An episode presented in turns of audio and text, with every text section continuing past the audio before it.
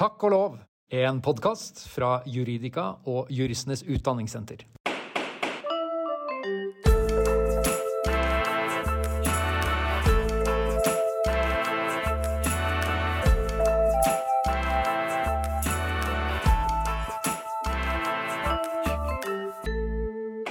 Hei og hjertelig velkommen til nok en episode av Takk og lov. En podkast for deg som lurer på hvordan jussen, og kanskje også juristene, egentlig er skrudd sammen. I dag skal vi snakke om kontraktsrett. Ikke hvordan du kan skrive kontrakter, men hvordan du kan skrive om kontraktsretten på eksamen. Så dette er en veldig matnyttig episode av denne podden. Eh, så jeg tenkte bare først en ørliten refleksjon om hvem du er som hører på Takk og lov. For du, har jeg latt meg fortelle, er en ganske sammensatt person. Du kan være en skikkelig spesialisert superjurist, eller du kan være en helt decent potetjurist, sånn som oss andre. Du kan faktisk også være en ikke-jurist, og takk og lov for det, for jeg vil jo gjerne nå deg også. Rettsstaten beror jo på at alle borgere skjønner litt av jussen som regulerer dem. Hvis du er jurist, så kan du være vel etablert, litt yngre, eller ennå under utdannelse. Mange av lytterne våre viser seg å være studenter, og det er takk og lov, det. Det er jo dere som skal drive, eller ja, jeg tror egentlig allerede driver verden videre. Så det er veldig bra. Denne episoden er til dere studenter, dere som gjerne vil ha noen tips og triks til å skrive gode oppgaver i kontraktsrett. Og jeg er veldig glad for å ha med meg min førsteamanuensiskollega fra Universitetet i Tromsø, veldig snart også på Universitetet i Oslo, Sverre Magnus Bergslien Salvesen. Hallo, hallo. Velkommen, Sverre. Takk Jeg spurte deg innledningsvis om du ville bruke begge eller ett navn. Du sa det var valgfritt. Ja. Men i og med at uh, vi har en prins som har rappa navnet ditt, så går vi for Sverre. Er det bra? Det er bra. eh, Det, jeg assosierer begge navnene mest med at mamma er sur på meg. Så Ja, eh, ja.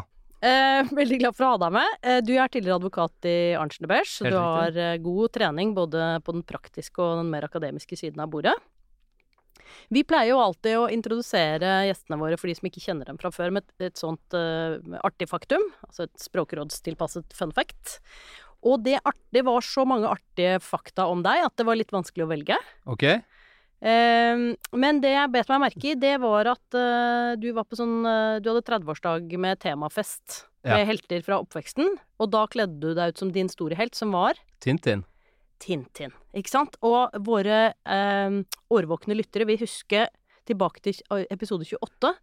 Advokat eh, Håvard Viker mm. snakket om rekonstruksjon av Norwegian. Hva var det han hadde innrettet hele toalettet sitt med? Det var Tintin-tema. Det er jo gøy, for han har jo jeg møtt på en sånn her eh, konkursrettsdagene til juss også, så eh, Oi, det var ikke på Tintin-konferanse? Nei, så jeg visste ikke engang at han var også Tintin-fan. Så her er det mye mulighet for utveksling, altså. Six degrees of separation og alt det her. Det er en veldig liten verden vi lever i. Mm. Ok, vi må over til eh, tema kontraktsrett på eksamen.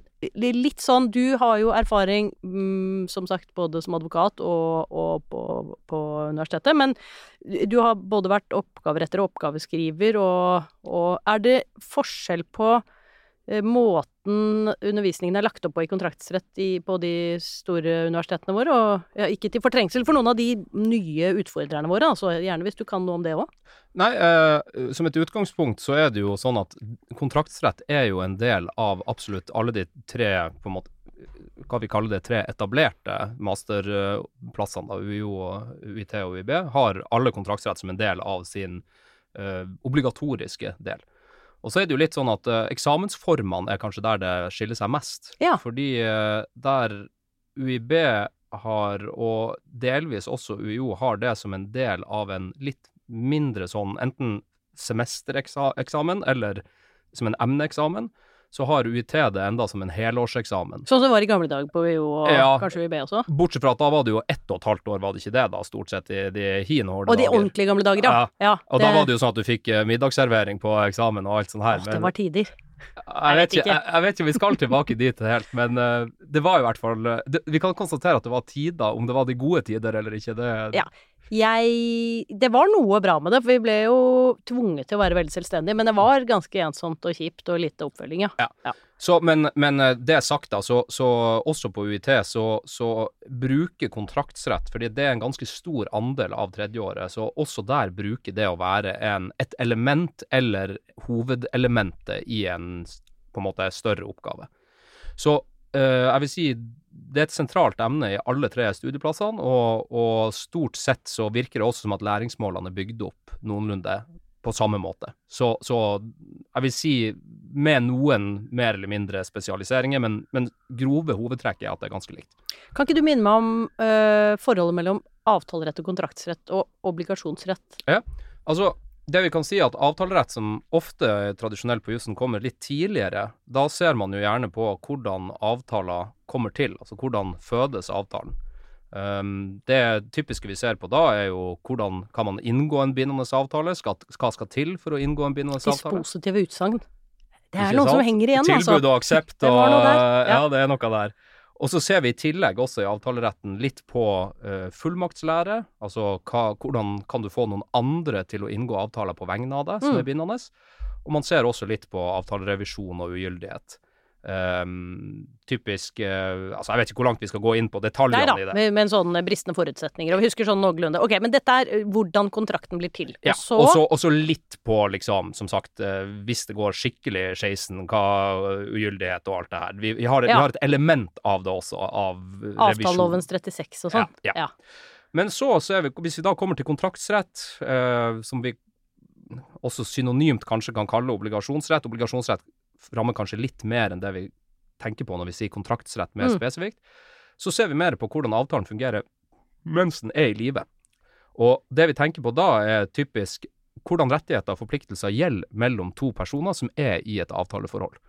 Um, og det vi og stort sett så går det jo ganske bra med ulike avtaleforhold. ikke sant? Vi inngår jo ofte avtaler med folk eh, til daglig uten at det er et problem. Du betaler um, 9000 kroner på Elkjøp for å kjøpe en eh, ny telefon. Du får telefon over disk.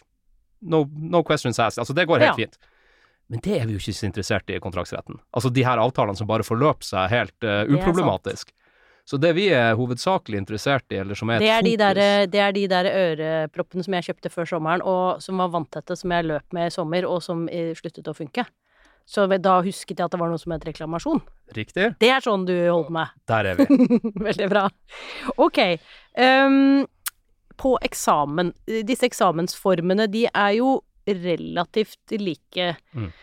Det kan være litt ulik varighet og sånn, og det kan være litt ulikt om det er bare kontraktsrett, eller om det inngår i en større type oppgave hvor det er ett element. Ja.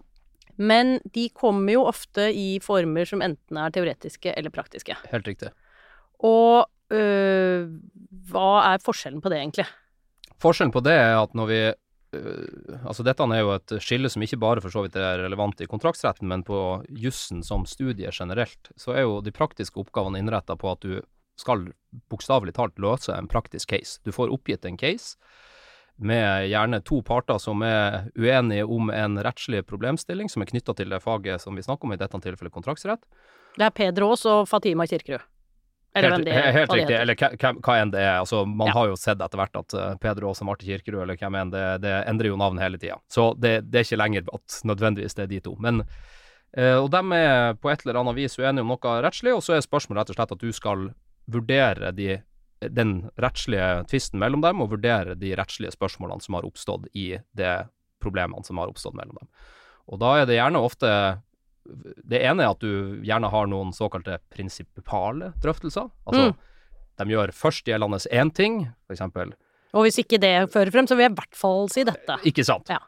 Og da er det gjerne sånn at på sånne her praktikumer så skal du gjennom hele greia. Og det er uansett om, om på en måte det være seg at uh, det prinsipielle spørsmålet løser det, f.eks. At du kommer til noe som gjør at det er ikke nødvendig å ta de andre. Så skal man veldig ofte også gjennom de andre subsidiære drøftelsene. Ta et eksempel, bare så vi henger med her. Ja, altså du kan jo tenke deg at øhm, du øh, ser for deg at uh, partene er For eksempel, la oss ta det eksempelet med den her ørepluggene dine. Ja. Så kommer du Så er, oppstår det en uh, tvist da mellom deg og la oss si Elkjøp, Ja. eller uh, hvem enn det er du har kjøpt dem hos, om det er mangelfullt, det her Altså, ja, om det er en mangel på produktet. Og da vil det jo typisk være ganske mange ting som kan være aktuelt innenfor det her mangelsgreia. For du ønsker jo å få f.eks. nye propper tilbake. Ja. Det er jo det du ønsker er, hovedsakelig. og vi gjerne hatt med en gang. Ikke vente. Nettopp. Ja. Og så kan det jo være at øhm, når det Elkjøp sier f.eks. Um, Ja, men det er jo ingen mangler på det her produktet. Du har jo, du har jo dusja med de her ørepluggene, og det var de ikke ment å gjøre. Ja, men da sier jeg, men det står i salgsmaterialet deres at disse tåler vann. Ikke sant. Og så da får vi på denne eksamensoppgaven, så blir jo det et spørsmål. Ja. Altså er dette en mangel eller en brukerfeil, eh, som typisk da vil føre til at du ikke får medhold i denne mangelspørsmålet. Mm. Hvis du ikke får medhold i det mangelspørsmålet, altså at vi har her med et mangelfullt produkt å gjøre, så er egentlig saken tapt for din del. Da kan du egentlig ikke Altså det Men da får jeg ikke noe subsidiær mulighet heller. Egentlig ikke. Nei. Altså, du kunne i det virkelige liv sagt at da, da avslutter vi casen. Men ofte da så vil denne oppgaven også inneholde noen andre ting. Ja, fordi dere vil lure oss, de oppgaveskriverne. De legger inn masse rare ting. Ja, fordi at det du også for eksempel har, eller det Elkjøp også har sagt, det er at uh, du var jo så seint ute med å si fra om at de her ørepluggene var, eh, var blitt skada. Ja, du oppdaget det på forsommeren, og så dro du på ferie, og så kom ikke hit før nå. Nettopp. Og så vet jo Elkjøp, som sitter med skarpskodde advokater, at uh, her skal man jo reklamere innen rimelig tid, som det så fint heter. Ja. For ellers så mister du muligheten til å kunne påberope jeg denne mangelen.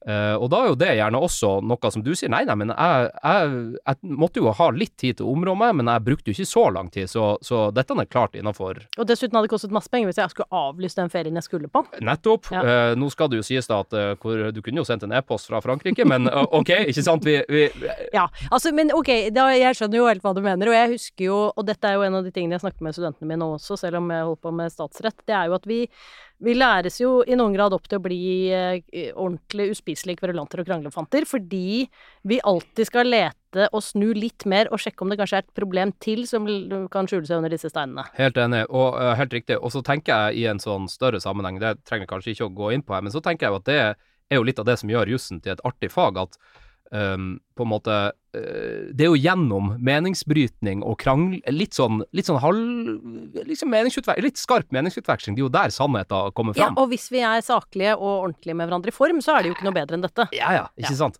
Så, så, så det, det er jo bare egentlig for at vi, vi, vi skal prøve litt eh, Vi må prøve de gode argumentene. Det Det er jo det vi øver opp studentene våre Det er det.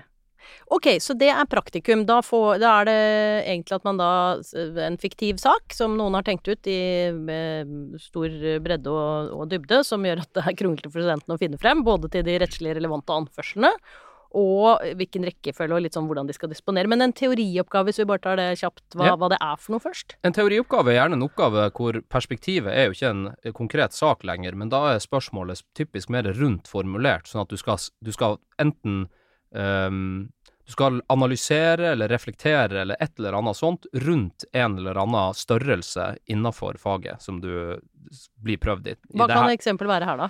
Nei, for eksempel Mangelsbegrepet Mangelsbegrep i ja, mangelsbegrepet i obligasjonsretten, adgangen til å fremme direkte krav. Eh, Du får gjerne bare en så, en så vag formulering. Adgangen til å fremme direkte krav. Det er skummelt, ass. Det husker jeg fra eksamen. Var veldig, hva, hva gjør jeg her? Skal jeg sitte i seks timer og skrive om det? Ja, det det er det skal skal. Det er det du skal. Og det som er gøy med de eksamensformene, er jo at det som gjerne er utfordringa der, det er jo at de oppgavene forteller deg ikke. For at sant, på de her praktikumsoppgavene så får du jo beskjed om hva partene er uenige om. Hvis du leser de oppgavetekstene nøye, så ser du bang, de er uenige om mangel, bang, de er uenige om reklamasjon, så de er kanskje uenige om eh, ja, foreldelse, eller uansett. Mens når du kommer til her teorioppgavene, oppgaven sier jo ingenting. Sant? Den er jo helt taus på hvordan det her skal gjøres, og hva som faller innafor og utafor. Så det er egentlig en veldig prøve av hvor mye kunnskap du har klart å putte inn i bare ditt eget hode, og hvor godt du klarer å disponere det ut igjen. Yes.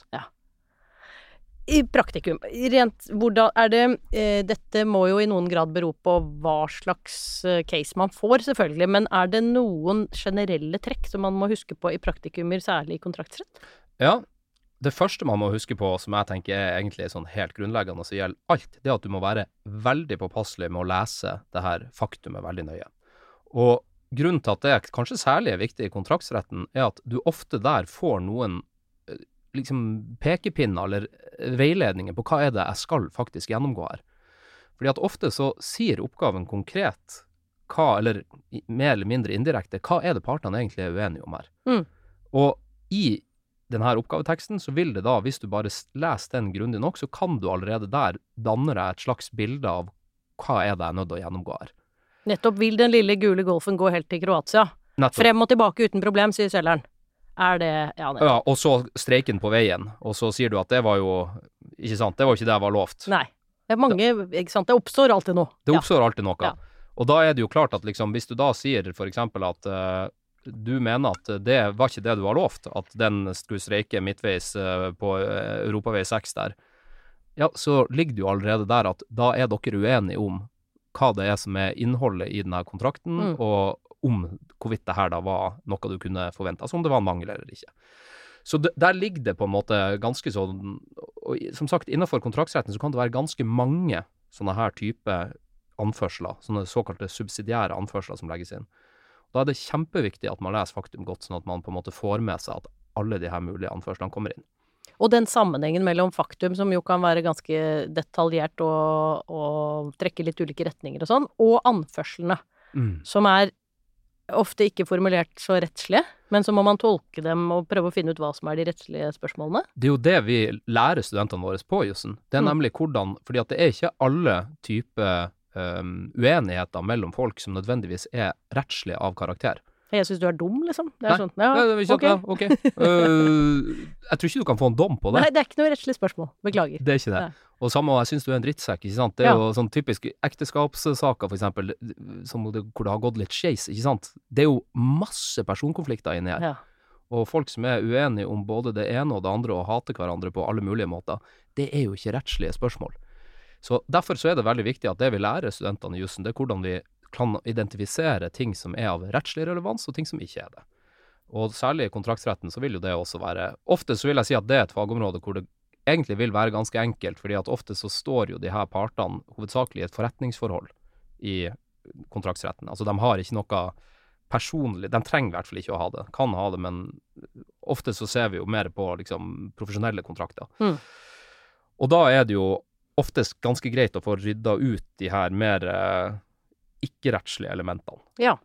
Men eh, ja, så det, det Les faktum, finn anførslene. Først, det er start. Ja. Og så hvis vi da skal, spesifikt skal inn litt mer hva det er som typisk kan være ting som kommer igjen i kontraktsretten, så er det veldig viktig at eh, kontraktsretten er Altså, norsk rett er basert, og særlig kontrakts... Altså norsk formuerett er basert rundt et system hvor vi har egentlig en ganske stor fragmentering av regelverket vårt. Så vi har på en måte ikke en sånn sivillovbok, som det så fint heter, eller en sånn grunnlov for Selv, selv om det sto i Grunnloven at vi skulle få det. så ble det aldri noe Nei. av. Og det gjør at eh, vi har egentlig bare ganske mange enkeltlover som regulerer enkelttyper av kontrakter. Så vi har f.eks. en pakkereiselov som regulerer rett og slett hvordan pakkereiser skal se ut. Ja, Eller hvordan rettigheter og plikter man har. Forbrukerkjøpslov og en bostadoppføringslov og Ja.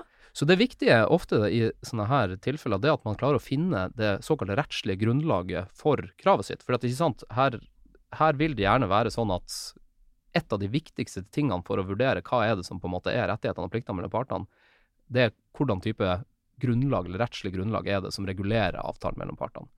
Og så er det en annen ting som også er veldig gjennomgående, det er at avtalefriheten i norsk rett er jo ganske vid. Altså du har, gans, du har lov til å inngå avtaler om egentlig ganske så mye likt og ulikt. Så ofte så kan også svaret på hva partene har rettigheter og plikter overfor hverandre, det kan du finne ofte i avtalen også, mellom dem. Så det sånn Oppsummeringsvis så er liksom rettslig grunnlag det er veldig viktig. Altså hva er det rettslige grunnlaget som regulerer den tvisten mellom partene? Er det lov? Er det avtale? Er loven Må man følge den, eller kan man avtale seg vekk fra den? Ja. Typisk, eller og, og um, det kan jo hovedsakelig, de kan jo ha inngått en avtale, men så er avtalen taus om noe som har tydeligvis blitt aktualisert mellom partene. Kan vi da fylle inn med Med noen lovgreier som ligner litt. Eller som, eh, eller som for så vidt regulerer den kontrakten her, men hvor partene i tillegg har valgt å fylle Ja. den på med litt eh, ja. egne reguleringer. Nettopp. Ok, så rettslig grunnlag, det er steg én. Og så, neste steg Ja, så er det jo da å identifisere, som vi har vært innom, hvordan ulike rettslige problemstillinger som aktualiseres i denne tvisten mellom partene. Og da er det jo typisk Det kan være veldig mye likt og ulikt. Nå har vi vært innom en del ting. Typisk spørsmål om det i det hele tatt foreligger et avtale, altså kontraktsbrudd. Er det en mangel, typisk, på produktet? Eller forsinkelse. Eller en forsinkelse. Ja. Um, har man reklamert i rett, rett tid? Er det, har man krav på erstatning av det her?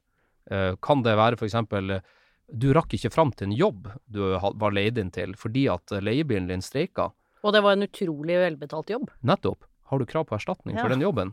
Ja, nei, ikke sant? Um, her kan det være veldig mange ulike problemstillinger som kommer opp, og da er vi tilbake igjen egentlig til det her med å lese faktum, fordi at ofte så vil de her problemstillingene ta og stikke seg ut i faktum.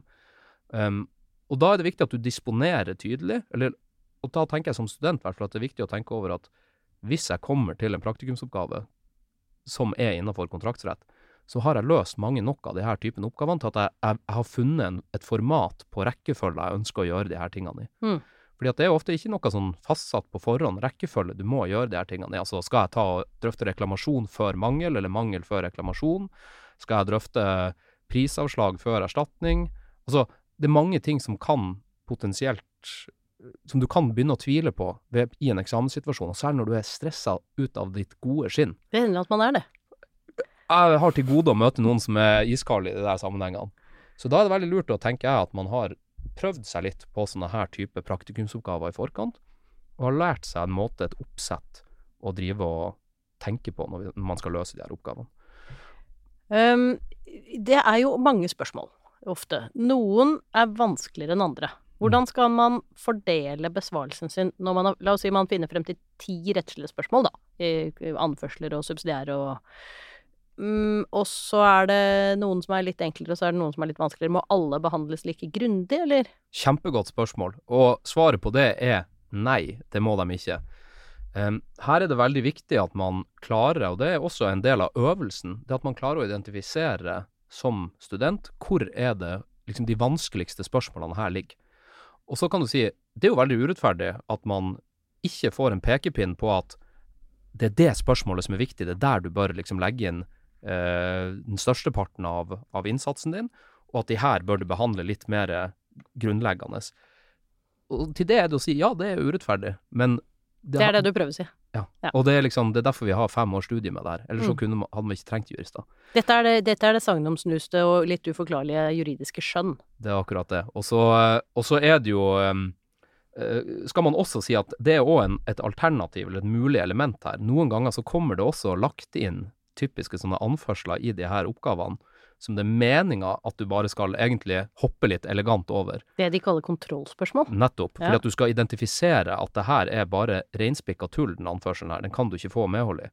Og da er det jo eh, Det som er øvelsen da, det er jo ofte den her selvtilliten. Ikke sant? Fordi at ofte så sitter du jo i eksamen og tenker du, ah, men den er jo, det er jo anført, jeg må jo behandle det grundig. Og så er egentlig det sensor ute etter at du skal vise at nei, vet du hva, det her, jeg kan greia mi. Jeg vet at det her bare er tull. Smekk, det er bare tull for de, og så videre. Og så har du en halv side på det hvor du bare har avfeid kort og godt hvorfor det er Ja, og dette er jo, hvis man løfter blikket litt, så er det jo en måte å trene studentene i å gjøre det som vi avlegger et sånt uh, kandidatløfte på, og ikke bidra til unødig trette. Fordi hvis du ikke klarer å skille klint og hvete der, så kan det jo hende at du oppfordrer klienten din til å holde på med ting som egentlig ikke fører noe sted hen. Og det er jo, som tidligere advokat, så vet, eh, så vet jeg jo at det er jo ingenting som er verre enn å møte en motpart som skal krangle på absolutt alt som det er mulig å finne. Det eneste fordelen med det er at dommerne ofte ikke liker dem så godt heller. Nei, det er veldig sant. Og, så det er ikke et tips å, å ta med seg. Veldig bra. Noen flere praktikumstips før vi går over til litt om teori? Ja, altså det jeg kan si eh, Og nå tenker jeg kanskje å hive ut en brannfakkel. Å, det er at- nydelig. Ja, og det er at eh, det er en tendens jeg i hvert fall merker meg litt når, eh, når jeg sitter som sensor, og som jeg det har vært skrevet litt om også i, i, eh, i eh, Blant annet Halvard Haukeland Fredriksen har skrevet om det. At man bør ikke skrive som Høyesterett når man er student på Nei. Hvorfor ikke det? Nei. Altså, eh, det vi har lært studentene våre i all tid, det er jo at Høyesterett er dem som på en måte er, danner mønsteret for hvordan man skal argumentere juridisk. Mm. Og dem er jo på en måte Ja, om det er uforholdsmessig eller eh, mye vekt de har fått eller ikke, det, det skal ikke jeg formen, ha for mye formening om. Men Høyesterett har i hvert fall vært stjerne, eh, på en måte stjerna for hvordan vi skal utforme juridiske argumenter. Problemet eh, med måten Høyesterett nå etter hvert har begynt å skrive på, for Høyesterett har fått en viktigere og viktigere rolle innenfor det vi kaller prejudikat som prejudikatdomstol. Altså at de har begynt å bli mer og mer prinsipielle, og mindre og mindre orientert rundt Mot det konkrete. Yes. Ja. Og det gjør at når Høyesterett skriver, så skriver de jo ganske vidløftig, ganske generelt, ganske Ja, altså de, de, de begynner veldig bredt. Det er mye for postfektninger før de kommer til faktum, egentlig. Nettopp. Som student så er ikke det rollen din. Rollen din som student er at du skal løse en konkret rettslig tvist med et konkret faktum på bordet. Og da trenger du ofte ikke, for at du skal kunne løse det, å gå så utrolig grundig til verks som det Høyesterett gjør. Så min, og det er en anbefaling jeg vet det er flere som deler med meg, eh, det er at du som student ta utgangspunkt i faktum når du argumenterer, og bruk faktum veldig aktivt i argumentasjonen din. Altså ikke vær så veldig opptatt av å begynne å gå helt vidt ut og begynne å tenke på liksom ikke sant, det er i hin hårde dager da Allerede i gamle romere. Ikke sant? Ja. Nei, og eh, nettopp. Jeg er helt enig selv, og det er jo veldig viktig selvfølgelig at uh, studentene stiller opp en norm, sånn at uh, rettsregelen og hjemmelen og utgangspunktet er klart for hva man skal vurdere, men at man så går raskt til den konkrete vurderingen og bruker det faktum man har, ja. Ja, og sånn den normen, du trenger f.eks. ikke å redegjøre for innholdet i den normen hvis det er punkter i den normen som er helt irrelevant for den saken du skal nå løse. Altså ikke, ikke, ikke trekk opp hele no Bruk på en måte den delen av den normen her som det faktisk som det, den saken her faktisk aktualiserer. Nettopp. Um, ikke for mye teori i praktikumsoppgaver. Ikke for mye teori i praktikumsoppgaver. Og, og, um, ja. og så tenker jeg også at uh, det kan vi kanskje komme tilbake til på slutten, som er generelle ting, men metode er veldig viktig. Og, vi kommer tilbake til metode. ja. Vi må ha litt teori før Ja, vi går eh, til det metodiske. Eh, mm, hva er særegent som tips og triks for teorioppgaver? Nei, her er det jo, som vi var innom, en, eh, altså det er jo en litt skummel eksamensform i og med at den ofte er ganske så generelt og vagt formulert. Så det er Det er sånn jernteppeform. Det er jernteppeform. Og, og hvis du øh, Altså, hvis du er helt blank på det, på det som spørres om i denne teorioppgaven, så er, det, så er løpet litt kjørt, egentlig. Fordi at du må ha paratkunnskapene klar på akkurat det som oppgaven spør om. Det som da blir øvelsen, det er hvordan du strukturerer oppgaven. Altså, hvordan går du frem for å øh, Altså, hva er det oppgaven egentlig spør om? For det står jo ikke i oppgaveteksten. For eksempel adgangen til å fremme direktekrav. Ja, på, på hva da? Ja. Ulovfesta grunnlag? Lovfesta grunnlag? Uh, er det uh, begrensningen den er ute etter? Er det positivt når det kan gjøres? Det er masse spørsmål her, masse avgrensningsspørsmål. Og Da er det helt essensielt at du innledningsvis viser til sensoren at du har hatt en eller annen form for refleksjon Du har gjort deg noen refleksjoner rundt den oppgaveteksten her, og prøvd å tenke ut hva er det som er liksom kjernen, det artigste jeg kan skrive om med denne oppgaveteksten foran meg.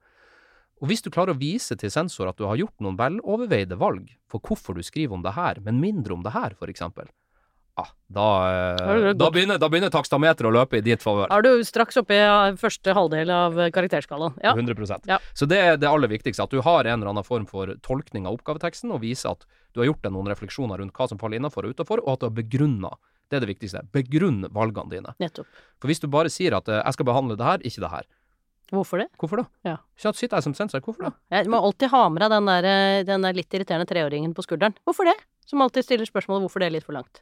Altså det der, det der drar studenter med seg. Hvis du, hvis du klarer å dra med deg det ut til arbeidslivet, og også hvis du senere, hvis noen der ute som skal skrive doktorgrad, skal jeg love deg, den, i margen min, så har jeg, når jeg skrev doktorgrad, så var det første som sto i alle marger, det var begrunn, begrunn, Mm. utdyp, Ja. hvorfor, analyser. Det er fordi at du må alltid klare å vise leseren din hva det er som er tankeprosessene rundt de valgene du gjør, for hvis ikke så har ikke leseren peiling, og du vil ikke at leseren din skal måtte sitte og tippe. Nei. For da legger du opp til at det her blir litt for vilkårlig. Da har du allerede mistet vedkommende. Det er akkurat det. Ja. Nei, og så utover det, så, så er det jo gjerne sånn da, at her kan det jo være veldig mye um, Altså, her er jo oppgavene ofte såpass unike at det er litt vanskelig å kunne si noe generelt, men det som jeg vil si som et generelt tips, er at her kan perspektivet utvides litt mer sammenligna med en praktikum. For her er gjerne meninga at du skal kunne f.eks. se lover eller regler i sammenheng, og i kontraktsretten at du f.eks. skal kunne se ulike kontraktsrettslige reguleringer litt i sammenheng. Mm. Um, du skal på en måte få frem det litt mer utvida perspektivet. Nå kan du stille deg de spørsmålene som hvorfor, hvordan, um, eh, ja, alle mulige sånne stille sånne spørreord som du kan bruke. Mm. Hvorfor er det Hvem? Hva? Ja. Ja. sånn? Hvem er det? Liksom, Når? De, når? Ja. Ja, liksom. Alle de her spørsmålene, dem kan du stille deg. Nå kan du også være litt mer problematiserende. ja. For her kan du egentlig, så lenge du skiller mellom det, retten som den er og, og retten som den kanskje burde være, så er det rom for kritikk også i denne type oppgaver. 100 og selvstendighet er jo det aller viktigste som vi prøver å dyrke fram i studentene våre. Og da tenker jeg at det her er den eksamensformen hvor selvstendighet aller størst får lov til å skinne. Fordi at her er det, ingen, det er ingen begrensninger egentlig som oppgaveteksten legger på deg på hva du skal behandle og ikke, og det er ingen begrensninger på, eller føringer ofte på om du skal være kritisk eller ikke. Det kan være det også, så det kan jo være for eksempel hvis det står um, drøft og analysere, eller drøft og vurdere, for Mm. Det kan ofte være. Da ligger det jo i vurder, så ligger det jo noe der. At du skal gjøre noe selvstendig. Nettopp. Ja. Du skal tenke er det her hensiktsmessig eller Ja. ikke. Passer det Høyesterett sa i den saken med hvordan vi tenker vanligvis Ja. innenfor det her rettsområdet? Kanskje var det dissensen som hadde rett? I hvert fall, hvert fall hvis det var Jens Edvin, så har det jo ofte vært det. Ja, jeg hadde jo han med i en pod for en tid tilbake, og da hadde jeg lagt merke til at han dissenterte litt eh, mindre etter at han kom tilbake i Høyesterett. Ja. Så jeg spurte om det var da fordi at han hadde liksom vokst opp fra å være sånn trompete tenåring som bare var mot. eh, eller om det var fordi alle de andre dommerne i Høyesterett nå hadde begynt å forstå at det var han som hadde rett. Mm. Han mente ja, Det helte kanskje mot det siste, tror jeg. Ja, nei, ja det, det krever jo Det krever jo litt å Ja, det er jo, det er jo ja, Det kan godt være at det stemmer, altså. Eh, Jeg vet ikke, men eh, det er jo Det viste seg jo altså Det var jo ikke ufortjent det at han fikk, uh, fikk det tilnavnet Dissens-Jens. Altså, det, det var mange ganger det, det viste seg å være rett. Det slo til på litt sikt, iallfall. Mm. Noen overordnede skrivetips helt til slutt, kan du gi oss det? Det kan jeg. Og her, dette er en av mine hjertebarn, så her kunne jeg sittet egentlig i flere timer, men vi får holde det kort. Ja, Først for et av tipsene er vel hold det kort. Det er akkurat det. Et av tipsene, og det kanskje viktigste tipset, det er å sette punktum og holde det kort. Fordi at eh, altfor ofte så Og dette har, dette har vi jo messa om veldig lenge, føler jeg, i akademia og blant uh, alle, alle som jeg vet, i hvert fall, som underviser innenfor uansett fagområde, er opptatt av det samme, nemlig at det skal være kort og forståelig. Altså, du skriver ikke bare for at du har begynt å studere juss, så trenger du ikke å tillegge deg et annet språk enn det du egentlig snakker til Men vanlig. hva, jeg er jo helt enig, og, og jeg tenker at dette tror jeg jeg lærte allerede på studiet. Samtidig så er det jo en grunn til at vi ikke klarer det. Jeg, jeg, jeg syns det er komplett uforståelig. Men det kan, jeg har tenkt på to hypoteser, da. Det ene er at vi føler oss smartere når vi skriver øh, vanskelige ord. Mhm. Eh, og eh, kanskje også at hvis klar tanke er klar tale, så kan det hende at det motsatte er tilfellet. Nemlig at hvis vi ikke tenker helt klart, så kommer ikke det ut så klart heller. Jeg er helt enig i det siste der, og jeg tror det er det som det kommer av. At uh, hvis du ikke har kontroll nok på det du skriver om, så blir det veldig lett at du bare prøver å kamuflere det bak litt sånne mer eller mindre uklare og eh, lange formuleringer. Ja, og det trenger ikke å være intensjonelt heller. Det kan Nei. være rett og slett at du, du tror dette er den beste måten å formulere dette på. Yes, det er helt riktig. Og da er min, bare to, mitt absolutt beste råd, prøv å tenke hele tida. Ville jeg sagt det her? Kunne jeg sagt dette? Altså, øh, ville altså, For det, det er noen ganger jeg, jeg, ser, jeg, jeg ser så mye sånn uh, hvorav uh, Herunder. her, herunder, herfra, uh, hvorfra hit settes. Ja, men det er, det er lengsel etter dansketiden, vel? Ja, men øh, det er jo ingen, det er jo ingen som det er jo ingen som sier liksom jeg, jeg, hvorfra hit settes. Det, det er jo ikke norsk lenger. Prøv å forklare dette til din gode venn eller svigermor. Nettopp. Ja. Og, så det er nummer én. Nummer to, det er jo da det her med altså språk, og, og det mener jeg oppriktig. Der har faktisk Det, det er kanskje der jusstudenter har mest å lære og hente. Fordi at språket Ja, nå Det kan være at det er en kjepphest jeg rir litt for mye, men jeg, jeg syns faktisk at det er noe av det som går mest igjen. Altså at du, du kan på en måte ha den materielle kunnskapen så mye du bare vil, men har du ikke språket til å kunne formidle den Sorry, det eneste måten jeg vet klarer å se om du har kunnskapen på, Det er, det er på det som står på papiret der. Ja. Så du, du, du må formidle det til meg på en måte som gjør at jeg forstår det. Ja. Eh, Nummer to, det er jo metode. Ja. Og um, når vi snakker om metode, så er jo det på en måte uh, jussens måte å finne ut av hvordan, hvordan kan jeg gå frem for å løse et juridisk spørsmål. Hva er gyldig argumentkilde, liksom? Riktig.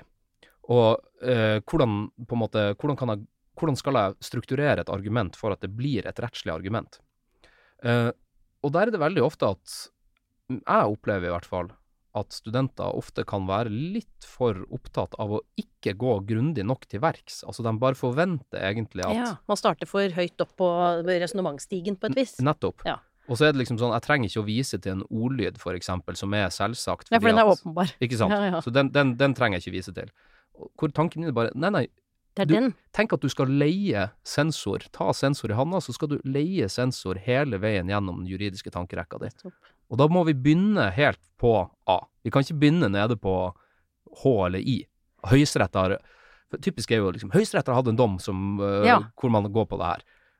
Um, Og det dette er, jo ikke, dette er jo ikke egentlig bare oppgaveteknikk. Jeg husker da jeg jobbet som advokat, så når vi virkelig sto fast, så var det jo ett kontor det gikk an å gå inn på, og det var kontoret til Dagfinn Klemetsen. Ja. Og da lente Dagfinn seg tilbake og tente en røyk, og tok frem lovsamlingen og slo opp i loven.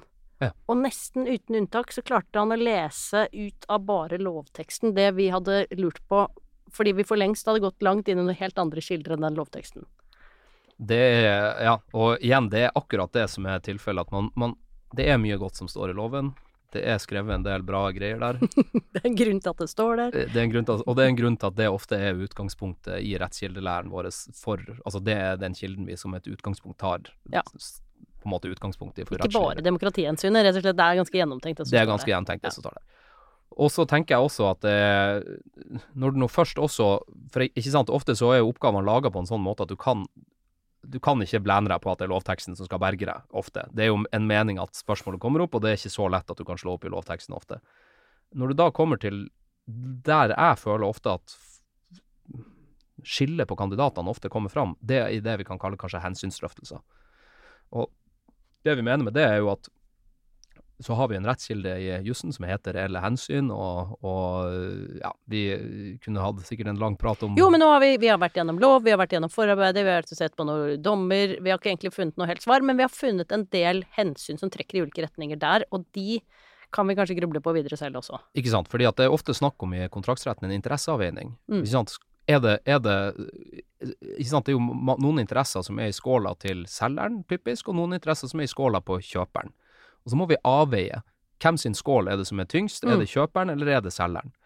Og eh, når vi da kommer til spørsmål som er forholdsvis åpen etter at vi har gjennomgått hele denne regla du sier, Da går det an å trekke noen andre hensyn òg. ikke sant? Ja. Og da er det gjerne sånn at vi ser på f.eks. legislative hensyn. Altså er det noen, er det noen, noen tanker som lovgivere har hatt Ja. bak den reguleringa her, som går igjen, som vi kan gjenfinne? Og kanskje sånn vi, Hva vil bli konsekvensen av å løse det på den måten her, sånn samfunnsøkonomisk? Er det prosessdrivende, eller hvordan funker det? Ikke sant? Det kan vi, det kan vi tenke oss, og vi har jo eksempler på det. F.eks. den her såkalte støvletthældommen. Har vi jo vært borti. Ja, ja, så ikke sant. Det, jo, eh, det var jo en sak om, eh, om en støvletthæl som hadde falt av, og så er jo spørsmålet har man, eh, har man krav på, på ny vare, eller kan man utbedre?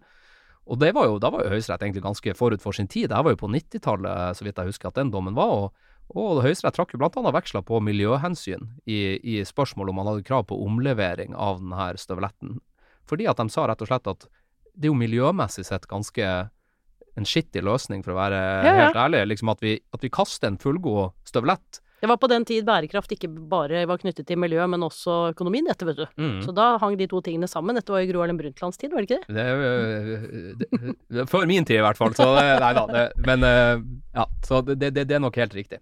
Og, mm, så, så, og da er jo spørsmålet, når du skal bruke de her hensynene, eller foreta de her avveiningene, liksom hvor, i hvor stor grad klarer du å trekke inn den saken du nå skal sitte og avgjøre? Um, og fordi at ofte så blir sånne hensynsdrøftelser ofte bare at man sier bare masse hensyn. Altså man sier bare masse hensyn som typisk gjelder innenfor kontraktsrettens område. Uten at du egentlig klarer å koble dem til drøftelsen, ja. Nettopp. Ja. Og det er liksom det, er det å klare å få hekta de her hensynene på saken din. Hva kan de brukes til? Ja, Og kanskje de kan brukes i begge retninger? nettopp! Ja. Og, og, og hvorfor er det liksom sånn at vi kanskje heller skal si at det bør være utslagsgivende i favør kjøper i dette Ja. tilfellet, og ikke selger? Vanligvis er det sånn, men her Ja. Ja. Ikke sant? Og det er da du virkelig på en måte tenker får um, Ja, du får mye, mye uttelling hvis du klarer å bruke de her hensynene på fine måter som knytter seg til denne konkrete saken. Altså, dette tror jeg er det beste krasjkurset jeg har hatt i oppgave- og eksamensskriving eh, noen gang, så det ble jeg veldig glad for, Sverre. Ja. Uh, vi må gå inn for landing rett og slett fordi episoden ikke er så lange, men er det noe mer vi burde ha hørt? Uh, nei, uh, sorg bare Til slutt, nå skal jeg ikke være en sånn mørkemann eh, som skal skremme studentene. Altså, men- jeg forsvarer din rett til å være mørkemann nå, vet du, så bare kjør på. Ja da, Ja. nei, jeg, jeg, jeg tenker at et perspektiv studentene kan ha for å få inn, drilla inn det her med skriving og hvor viktig det er, det er at du kan gå ut ifra den her 'jeg skal hjem og se uh, en seriedoktrin', som er, eller maksimen, kall det hva du vil. Det er nemlig det at sensor er jo vanlige folk, dem også. Og de sitter jo med Og det er jo vanlige folks tur nå. Ja, nå er det Ja. vanlige folks tur. Og sensor er jo det. Altså, sensor har selvfølgelig juridisk kompetanse, men sensor er et vanlig menneske. Og når du sitter gjennom en bunke på 25 oppgaver, og tenker liksom at nå, ok, nå skal jeg komme meg gjennom den, så kan det jo gjerne være at sensor ønsker jo egentlig helst å gjøre noen andre ting. Dra hjem og se den nyeste episoden av en eller annen serie, eller så har man familiære forpliktelser, eller uansett. Og hvis du da som student klarer å tenke at liksom, ok, jeg skal sørge for at sensor trenger ikke bruke mer tid på min oppgave for å prøve å liksom kode hva det er jeg egentlig har ment her. Det skal liksom være ryddig, forståelig, det skal gå i en ra radig med en takt hvor liksom alt bare kommer presentert på liksom Argumentene kommer som perler på en snor. Jeg trenger liksom ikke å Altså, det, sensor trenger ikke å tenke, kan bare lene seg tilbake og liksom høre på mine fantastiske resonnementer, og så kommer det en naturlig konklusjon som er helt som er liksom et naturlig produkt av den drøftelsen jeg hadde tidligere. Hvis man klarer å tenke det, da er du på god vei. Så tenk på, sensorer mennesker dem òg. De vil gjøre det her. De vil ha en mest mulig behagelig reise gjennom oppgaven din. Og klarer du det, da, da går det bra. Altså, dette er jo en fantastisk avslutning, for det du gjorde nå, var å gi studentene et eh, meget godt råd som i tillegg gjør livet vesentlig lysere for oss som sensurerer disse oppgavene. Helt riktig. Så tusen takk for det, og takk for at du ville være med i podden. Ja. Gleder meg til å se deg på fakultetet. Ja, ja, ja. Eh, og tusen takk også til dere lyttere som var med oss gjennom eh, nok en episode. Vi høres igjen i neste uke til nok en episode av Takk og lov. Da er det tid for litt reklame. For det du nå, eh, takk og lov, har brukt litt av tiden din på, det er å høre på en podkast som jeg får lov å lage sammen med Juridika og Juristenes Utdanningssenter. Med oss på laget så har jo vi noen av de klokeste hodene i jussens verden, og de hjelper deg med å holde deg faglig oppdatert til enhver tid, og takk og lov for dem!